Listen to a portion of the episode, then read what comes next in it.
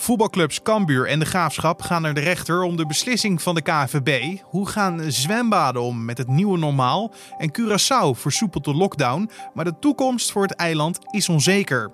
Dit wordt het nieuws. Dit heeft gevolgen voor bijvoorbeeld onze economie. Onze hele economie ligt op slot. Eigenlijk ligt heel, zit heel Curaçao thuis. Niemand mag meer werken. En dat heeft misschien nog wel grotere gevolgen. Soms zeggen ze toch dat de maatregel minder erg is dan de gevolgen. Nou ja, ik weet niet of dat voor Curaçao zo is, maar dat, dat lijkt er wel steeds meer op. Dat was journalist en radiomaker José de Bruin vanuit Curaçao. Een maand geleden werd de lockdown afgeroepen en die was aanzienlijk strenger dan die van ons. Hoe dat was en wat er vanaf vandaag weer mag, dat hoor je zo. Maar eerst kijken we kort naar het belangrijkste nieuws van nu. Mijn naam is Corné van der Brink en het is vandaag vrijdag 8 mei. Het aantal Belgen met antistoffen tegen het coronavirus is tussen eind maart en midden april gestegen van 3 naar 6 procent. Zo blijkt uit een tweede meting in een bloedonderzoek van de Universiteit Antwerpen. De cijfers wijzen erop dat er tijdens de lockdown nog veel Belgen besmet raakten. De langzame toename van het percentage wijst er volgens de onderzoekers op dat groepsimmuniteit, waarbij 60% van een bevolking antistoffen aangemaakt heeft, waarschijnlijk onhaalbaar is. Over drie weken publiceren de onderzoekers de resultaten van de derde meting. Weer drie weken later volgt de vierde. De laatste is belangrijk omdat daar de gevolgen van de versoepeling van de maatregelen zichtbaar zullen zijn. Het ziekteverzuim onder werknemers is in het eerste kwartaal van 2020 opgelopen tot 5,2 procent. Zo blijkt uit voorlopige cijfers van het Centraal Bureau voor de Statistiek. Sinds 2003 is het ziekteverzuim niet zo hoog geweest. De toename van het ziekteverzuim was in alle bedrijfstakken te merken, maar was vooral hoger in de gezondheidszorg en de industrie. Sinds het tweede kwartaal van 2017 is de gezondheidszorg de bedrijfstak met het hoogste aantal ziekteverzuim. Het aantal hoge zieken is gemeten uit een gemiddelde over de maanden januari, februari en maart en is deels beïnvloed door de uitbraak van het coronavirus. Het kabinet wil 750 miljoen euro vrijmaken voor een overbruggingskrediet voor kleine bedrijven die door de coronacrisis zijn getroffen. Zo laat het ministerie van Economische Zaken en Klimaat weten. Het gaat om leningen van tussen de 10.000 en 50.000 euro. Het overbruggingskrediet kan worden aangevraagd door bedrijven die voor de coronacrisis winstgevend waren en een omzet van zeker 50.000 euro hebben. Minister Erik Wiebes en staatssecretaris Mona Keizer verwachten dat tienduizenden ondernemingen zullen gebruik maken van de kredietregeling. En de minister en staatssecretaris hopen dat de regeling vanaf half mei beschikbaar zal zijn. Zwangere vrouwen mogen vanaf 11 mei weer een partner meenemen als ze op consult gaan of een echo laten maken. Dat meldt de Koninklijke Nederlandse Organisatie van Verloskundigen. Daarmee geeft de organisatie gehoor aan het verzoek van vele zwangere vrouwen om samen met hun partner bij de controles aanwezig te mogen zijn. Verder staan zij toe dat er naast de partner nog iemand bij de bevalling aanwezig mag zijn, als de zwangere dat natuurlijk wel wil. Voor elke afspraak wordt gecheckt of de zwangere en haar partner geen ziekteverschijnselen hebben. En in de wachtkamer moet anderhalf meter afstand worden gehouden. Dan verlaten we heel even onze eigen coronabubbel en duiken we in die van een Caribisch deel van ons koninkrijk. Want ruim een maand geleden werd de lockdown in Curaçao afgekondigd. Dat was alleen geen intelligente lockdown, zoals wij die in Nederland nu gewend zijn, maar het eiland ging echt op slot. Vandaag zullen er versoepelingen van de heftige lockdown van een maand plaatsvinden. José de Bruin woont al negen jaar op het eiland en is daar werkzaam als journalist en radiomaker voor Dolfijn FM. Zij kan ons vertellen hoe deze maand er precies uitzag. Heel rustig. Ik denk dat het voor iedereen geldt, maar voor Curaçao zeker. Het was hier zelfs zo extreem dat je met een soort kenteken voor de dag, maar de dag op eh, de straat op mag. Je moet je erbij voorstellen, alle kentekens hebben een letter. Uh, dus bijvoorbeeld, je hebt letter A, dan mocht je op uit mijn hoofd maandag en donderdag de straat op. Dus nou ja, zo gaat dat dan eh, het hele alfabet door. En dat betekent dus twee keer per week boodschappen doen en de rest van de tijd thuis. Ja, en dat was echt alleen bedoeld om een boodschap te halen en niet zomaar om even te gaan winkelen. Hè? Nee, dat kan echt niet, want alle winkels waren ook gewoon gesloten. Alleen essentiële dingen waren open, dus supermarkten die waren wel open, maar bijvoorbeeld ook apotheken zijn open. Uh, maar eventjes bijvoorbeeld naar de drogisterij of gewoon even lenzen halen, dat zit er niet in, want die, al die zaken die waren gesloten. Speelgoed ook niet te kopen, gewoon alleen maar de supermarkt open. Ja, en als we dan moeten vergelijken met de Nederlandse situatie, de Nederlandse lockdown, dan hadden jullie het echt wel aanzienlijk zwaarder, toch? Nou ja, je kan het altijd een beetje moeilijk vergelijken. Het is natuurlijk ook de belevenis van hoe het, hoe het is. Maar ik kan je voor vertellen dat we bijvoorbeeld al heel blij waren met een kleine versoepeling die eraan kwam. Toen mochten we twee uurtjes per dag sporten. Nou, wij sporten helemaal niet op het eiland. We zijn helemaal niet zo van buitensporten, want het is hier bloedheet. Maar toch ging iedereen dan massaal om zes uur naar buiten om een rondje te lopen. Omdat we dus zoveel binnen zaten, dat iedereen er gewoon even uit moest. En je wordt gewoon op een gegeven moment echt gek. En eh, zeker als je, nou ja, binnen zit in een appartementje met 30 graden de hele dag en geen tuin hebt om even naartoe te lopen. Want ook even een frisse neus halen in de avond is er ook niet bij, want er is een avondklok ingesteld. Er is een avondklok, dat klopt. En die is vanaf 8 uur. Je mag er dan niet uit. Uurtjes sporten gelden van 6 tot 8 uur s avonds. En daarvoor moet je ook echt binnen zijn. Want de politie controleert. En er staan ook echt dikke boetes op als je niet op tijd binnen bent. Oké, dat is echt wel gewoon heel heftig, die controle. En daar, dat, dat is ook actief wordt gecontroleerd.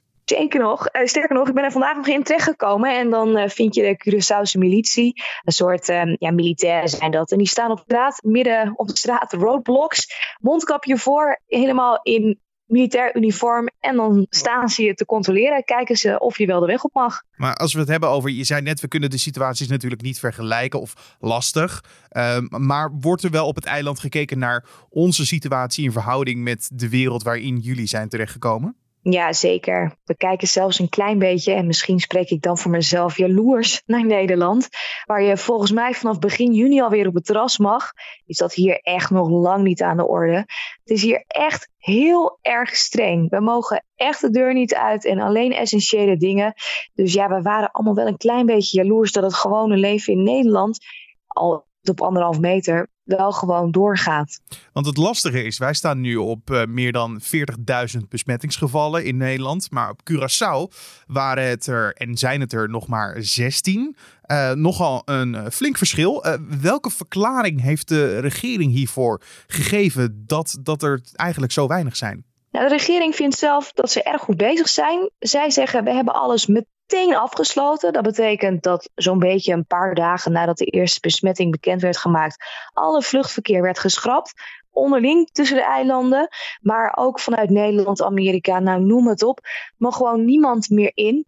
En dat, zeggen ze, heeft heel erg geholpen met het aantal besmettingen terugbrengen. De eerste paar gevallen waren inderdaad toeristen die hier op het eiland op vakantie waren en die werden ziek. En er zijn ook maar uit mijn hoofd twee of drie lokale besmettingen geweest. En dat is relatief heel weinig voor het eiland. En zij zeggen dus ja, dat komt omdat wij zelf heel goed gehandeld hebben door alles meteen plat te gooien. Ja, maar een gering aantal mensen dat besmet is geraakt met het coronavirus dus. Uh, maar daarvoor is wel het eiland op slot gegaan. Um, hoe reageerde de bevolking hierop? Uh, waren ze blij met de beslissing van de regering? Ja, in het begin voelde je echt dat mensen heel erg blij waren met de snelle beslissing van de regering. Dat ze alles op slot gooiden. Mensen waren toch een beetje bang voor het virus. En dat was ook in de periode waarvan we nog niet echt wisten wat het allemaal ging doen. En wisten dat het best wel um, nou ja, snel overdraagbaar was. Dus dat veel mensen er erg ziek van worden. En onze gezondheidszorg is er niet op ingesteld. Dus aan de ene kant had je een hele grote groep die zeiden: hey, regering, goed gedaan. We volgen jullie helemaal. Maar er was eigenlijk al vanaf vrijwel het begin een hele grote groep die zei: dit heeft zulke grote gevolgen. Dit heeft gevolgen voor bijvoorbeeld onze economie. Onze hele economie ligt op slot eigenlijk ligt heel, zit heel Curaçao thuis. Niemand mag meer werken. En dat heeft misschien nog wel grotere gevolgen. Soms zeggen ze toch dat de maatregel minder erg is dan de gevolgen. Nou ja, ik weet niet of dat voor Curaçao zo is, maar dat, dat lijkt er wel steeds meer op. Ik wil het straks met je hebben over de economische gevolgen voor het eiland. Uh, maar even wat je aan het begin zei: ons gezondheidsstelsel was eigenlijk niet uh, bedoeld of voorbestemd voor zo'n uh, ja, virus, epidemie. Um, als we daar nu naar kijken, hè, in Nederland zijn we bezig met die IC-capaciteit flexibel op te hogen, mocht dat nodig zijn. Hoe is dat voor Curaçao? Zouden ze een grote uitbraak aankunnen? Zeker niet. Dat is maar één antwoord op. Nu ondertussen hebben we het wat kunnen opschalen en is ook hier um, nou ja, het wat uitgebreid en kunnen we een kleine uitbraak aan. Maar nog steeds uh, zouden we echt goed in de problemen komen als hier een grote uitbraak is. Er is onder andere bijstand uit Nederland gekomen. Um, dat komt vanuit Defensie. Er is hier een schip in de regio wat eventueel kan helpen. Op Sint Maarten is hetzelfde geval. Um, ja, we hebben gewoon daarbij hulp nodig, omdat we niet genoeg beademingsapparatuur hebben, niet genoeg capaciteit. In het begin zei onze epidemioloog: we moeten niet de, uh, de line flattenen. We moeten het helemaal kapot maken. er mag niet eens een line zijn, want we kunnen het niet aan. En ja, nu zijn ze een soort van comfortabel dat we het een klein beetje gaan aankunnen. Ja, uh, nu is het onder controle. Alleen uh, de economische gevolgen, wat je zei, zullen misschien zwaarder wegen. Want uh, een belangrijke geldstroom voor het eiland, toerisme, dat ligt nu helemaal op zijn gat, toch? Klopt helemaal. We zijn grotendeels afhankelijk van het toerisme. Sterker nog, afgelopen jaar ging het juist heel goed. We kregen alleen maar positieve resultaten vanuit ons toerismebureau. We werden geprezen omdat de, nou ja, de kamerprijzen gingen omhoog. Er kwamen steeds meer mensen naar het eiland. We werden beter gevonden. En die stroom is in één keer helemaal weg. Je moet je voorstellen dat dat gaat van de taxichauffeur die toeristen heen en weer brengt, tot iemand die rekent op de fooi omdat hij een lekker drankje voor je maakt bij Blue Curaçao dat is helemaal weg. Want nu het toerisme is weggevallen omdat het eiland op slot zit, uh, zijn dat dan ook de grootste zorgen dat er geen grote geldstroom meer binnenkomt vanwege toerisme? Of zijn er andere grote zorgen? Nee, de grootste zorg is wel uh, over armoede over uh, hoe we dit in hemelsnaam moeten gaan opvangen. Er is een steunfonds vanuit de regering en er is ook geld vanuit Nederland, een zachte lening zo gezegd.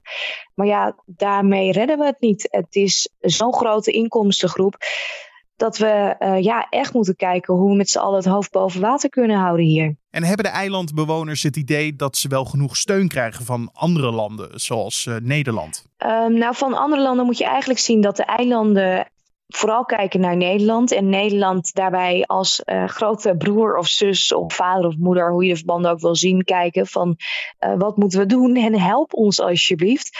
Je kan aan de ene kant zeggen dat hier een grote groep is die vindt dat Nederland niet genoeg doet en dat Nederland meer zou moeten bijdragen. En een andere groep die zegt: luister, wij moeten een keer zelf voor elkaar boksen. We kunnen niet altijd met het handje omhoog staan en vragen om meer geld. Want dat houdt ook een keer op. We moeten dat stel voor elkaar kunnen krijgen. Dus dat is heel gevarieerd wat je hier op de eilanden ziet. Onderling proberen we elkaar wel zoveel mogelijk te helpen, de eilanden. En het woord wat je nu vaak hoort hier is solidariteit. Dus we proberen met solidariteit niet alleen op het eiland, maar ook binnen het koninkrijk te kijken of er genoeg fondsen te werven zijn om ons nou ja, met z'n allen een beetje in leven te houden. Ja, het Rode Kruis heeft ook al gezegd dat er zorgen zijn over het Caribisch deel van ons koninkrijk. Ja. Uh, omtrent deze coronacrisis. Um, wordt er rekening gehouden met een soort doemscenario? Dat zal er vast zijn, maar dat wordt niet zozeer gecommuniceerd. Ik weet dat uh, het Rode Kruis het onder andere een stille orkaan noemt, waarbij de schade enorm is, de economische gevolgen enorm zijn. Maar ja, die orkaan die zie je niet aankomen. Normaal gesproken kan je erop voorbereiden. Maar ja, die voorbereiding die hebben we nu niet echt. Het reservepotje was eigenlijk al leeg. Het ging al niet goed met de economie van Curaçao. Uh, ja, als je daarvan uitgaat, dan kan er een doemscenario zijn waarbij we gewoon helemaal geen geld meer hebben. Ja, misschien moet je dan wel zelfs zo ver gaan als het eiland failliet. Maar daar durf ik niks over te zeggen. Het, het kan heel slecht gaan, inderdaad, als daar verder als bijvoorbeeld de landen onderling elkaar er niet uitkomen. Het lastige aan deze situatie is dat er ook niet een duidelijk vooruitzicht is. Er is geen vaccin, dus je kan niet zeggen uh, vanaf deze datum gaan we weer toerisme toelaten. Dus dat plannen maakt het heel lastig, hè? Nee, sterker nog, vandaag was een persconferentie. Half één was die, uh, sorry, half twaalf was die uh, onze tijd. Um, die duurde twee uur lang. En uiteindelijk, na 60 vragen van de pers, kwam eruit dat er ook nog niet echt een duidelijke richtlijn is voor hoe dat nou moet met toeristen. En hoe dat dan gaat straks. Moeten die mensen dan allemaal twee weken in quarantaine? Ik kan me niet voorstellen dat jij zin hebt om naar Curaçao te komen. En dat je dan eerst twee weken hier in een hotel moet gaan zitten binnen. Want daarvoor kom je volgens mij niet naar het eiland. Dat de toekomst voor het eiland er onzeker uitziet, dat is zeker. Daar wil ik alleen niet mee afsluiten. Ik wil het positief eindigen. Uh, want uh, ja, de lockdown, het wordt vandaag versoepeld. Um, ja, hoe zal het er vanaf vandaag uit gaan zien? Ja, hoera. Je wilt niet weten hoe blij we hiermee zijn op het eiland. Ik vrees ook voor echt enorme drukte op de wegen. En het valt echt mee, hè? Want in Nederland heb je bijvoorbeeld dat je vanaf juni weer op het terras mag zitten. Uh, dat er weer bepaalde uh, zaken zijn toegestaan. Hier op Curaçao mogen we intern weer open. Nou, dat betekent zoveel als dat plaatsje die dia waar ik je net over vertelde, dat kenteken per dag gaat eraf. Dus iedereen mag weer op de straat. Maar die avondklok blijft wel bestaan. Die wordt verplaatst naar 9 uur. Dus je mag van 6 uur s ochtends tot 9 uur s avonds op de straat zijn. Uh, dan mag je dus bijvoorbeeld naar de supermarkt, maar daar moet je dan wel weer in je eentje naartoe. Dan mag je niet met het hele gezin naartoe. Uh, maar ja, alle winkels kunnen dus weer open, bedrijven kunnen dus weer open. Um, kinderopvang is bijvoorbeeld weer open, maar basisscholen die zijn nog dicht. Dus het is een beetje behelpen. Sommige dingen zijn dus open, andere dingen zijn weer dicht. Dus echt een beetje kijken hoe we dat gaan doen. Maar veel mensen zijn al blij dat we gewoon weer even naar het strand mogen, bijvoorbeeld. Dat was journalist en radiomaker José de Bruin vanuit Curaçao. En dan nog even de verdere nieuwsagenda voor vandaag. Vandaag staan voetbalclubs Cambuur en de Graafschap voor de rechter. Ze willen dat de rechter in een kort geding de beslissing van de KFB terugdraait dat er dit seizoen geen promotie of degradatie zal plaatsvinden. Het voetbalseizoen is namelijk halverwege gestaakt door de coronamaatregelen. Cambuur en de Graafschap stonden bovenaan de keukenkampioen divisie en maakte dus kans om te promoveren naar de eredivisie. Beide clubs willen via de rechter afdwingen dat ze volgend jaar toch een stapje naar boven kunnen doen. Vanaf komende maandag mogen de binnen- en buitenzwembaden weer open. Vandaag komt de zwembranche met protocollen hoe ze de anderhalf meter regeling willen toepassen. Wat we al weten is dat de kantine en gezamenlijke kleedkamers nog gesloten zullen blijven. De algemeen directeur van de Nationale Zwembond heeft al eerder gezegd dat mensen wordt verzocht om thuis alvast hun zwemkleding aan te trekken. En vandaag zal de Britse koningin Elizabeth haar volk weer toespreken. Dit voor de derde keer in korte tijd. Haar toespraak zal gaan over de herinnering aan het einde van de Tweede Wereldoorlog. Op 8 mei 1945, vandaag precies 75 jaar geleden, capituleerde Duitsland officieel. Vorige maand heeft Elizabeth ook al haar volk twee keer toegesproken vanwege de uitbraak van het coronavirus en later ook nog in een paasboodschap. En dan nog het weer. Vandaag wordt het warm met volop ruimte voor de zon, die wel wat te maken krijgt met sluierbewolking. Maar de bewolking kan soms dik genoeg zijn om de zon even te verduisteren. En er staat verder weinig wind en het wordt 21 tot 24 graden. En om af te sluiten nog even dit. De Duitse Willinger Bierbrouwerij geeft de komende tijd zo'n ruim 2500 liter bier gratis weg. De brouwerij kan het bier niet meer verkopen vanwege de restricties op de Duitse horeca en het schappen van grote evenementen zoals Oktoberfest. De brouwerij geeft het liever weg dan het bier weggegooid wordt, zodat er tenminste mensen nog blij gemaakt mee kunnen worden. En dit is een cadeautje aan de mensen, maar ze helpen ons er ook mee. Wij hopen dat ze bij ons terugkomen als we weer open gaan. Al dus eigenaar Frans Mast. En de eerste bierpakketten zijn al opgehaald. Mensen stonden in de rij voor de brouwerij, waarbij er voldoende afstand werd gehouden en mondkapjes gedragen werden. En dit was dan de Dit wordt het nieuws podcast voor deze vrijdagochtend 8 mei. Iedere middag zijn we weer terug met de Week van Nu podcast, onze openbare redactievergadering. De hoofdredacteur van nu.nl neemt je mee naar ja, waar wij deze week mee bezig zijn geweest. Was het een groot verhaal? Waren het misschien uh, afwegingen die we hebben gemaakt? Of zijn we achter de schermen ergens mee bezig? We laten het je weten in deze podcast. Die kan je rond het middaguur op de voorpagina van nu.nl vinden en in je favoriete podcast app. Laat ons weten wat je van deze podcast vindt via een recensie in Apple Podcast. Of je kan een feedbackmailtje sturen naar podcast.nu.nl. Mijn naam is Carne van Brink. Ik wens je een hele mooie dag vandaag en ook een heel fijn weekend.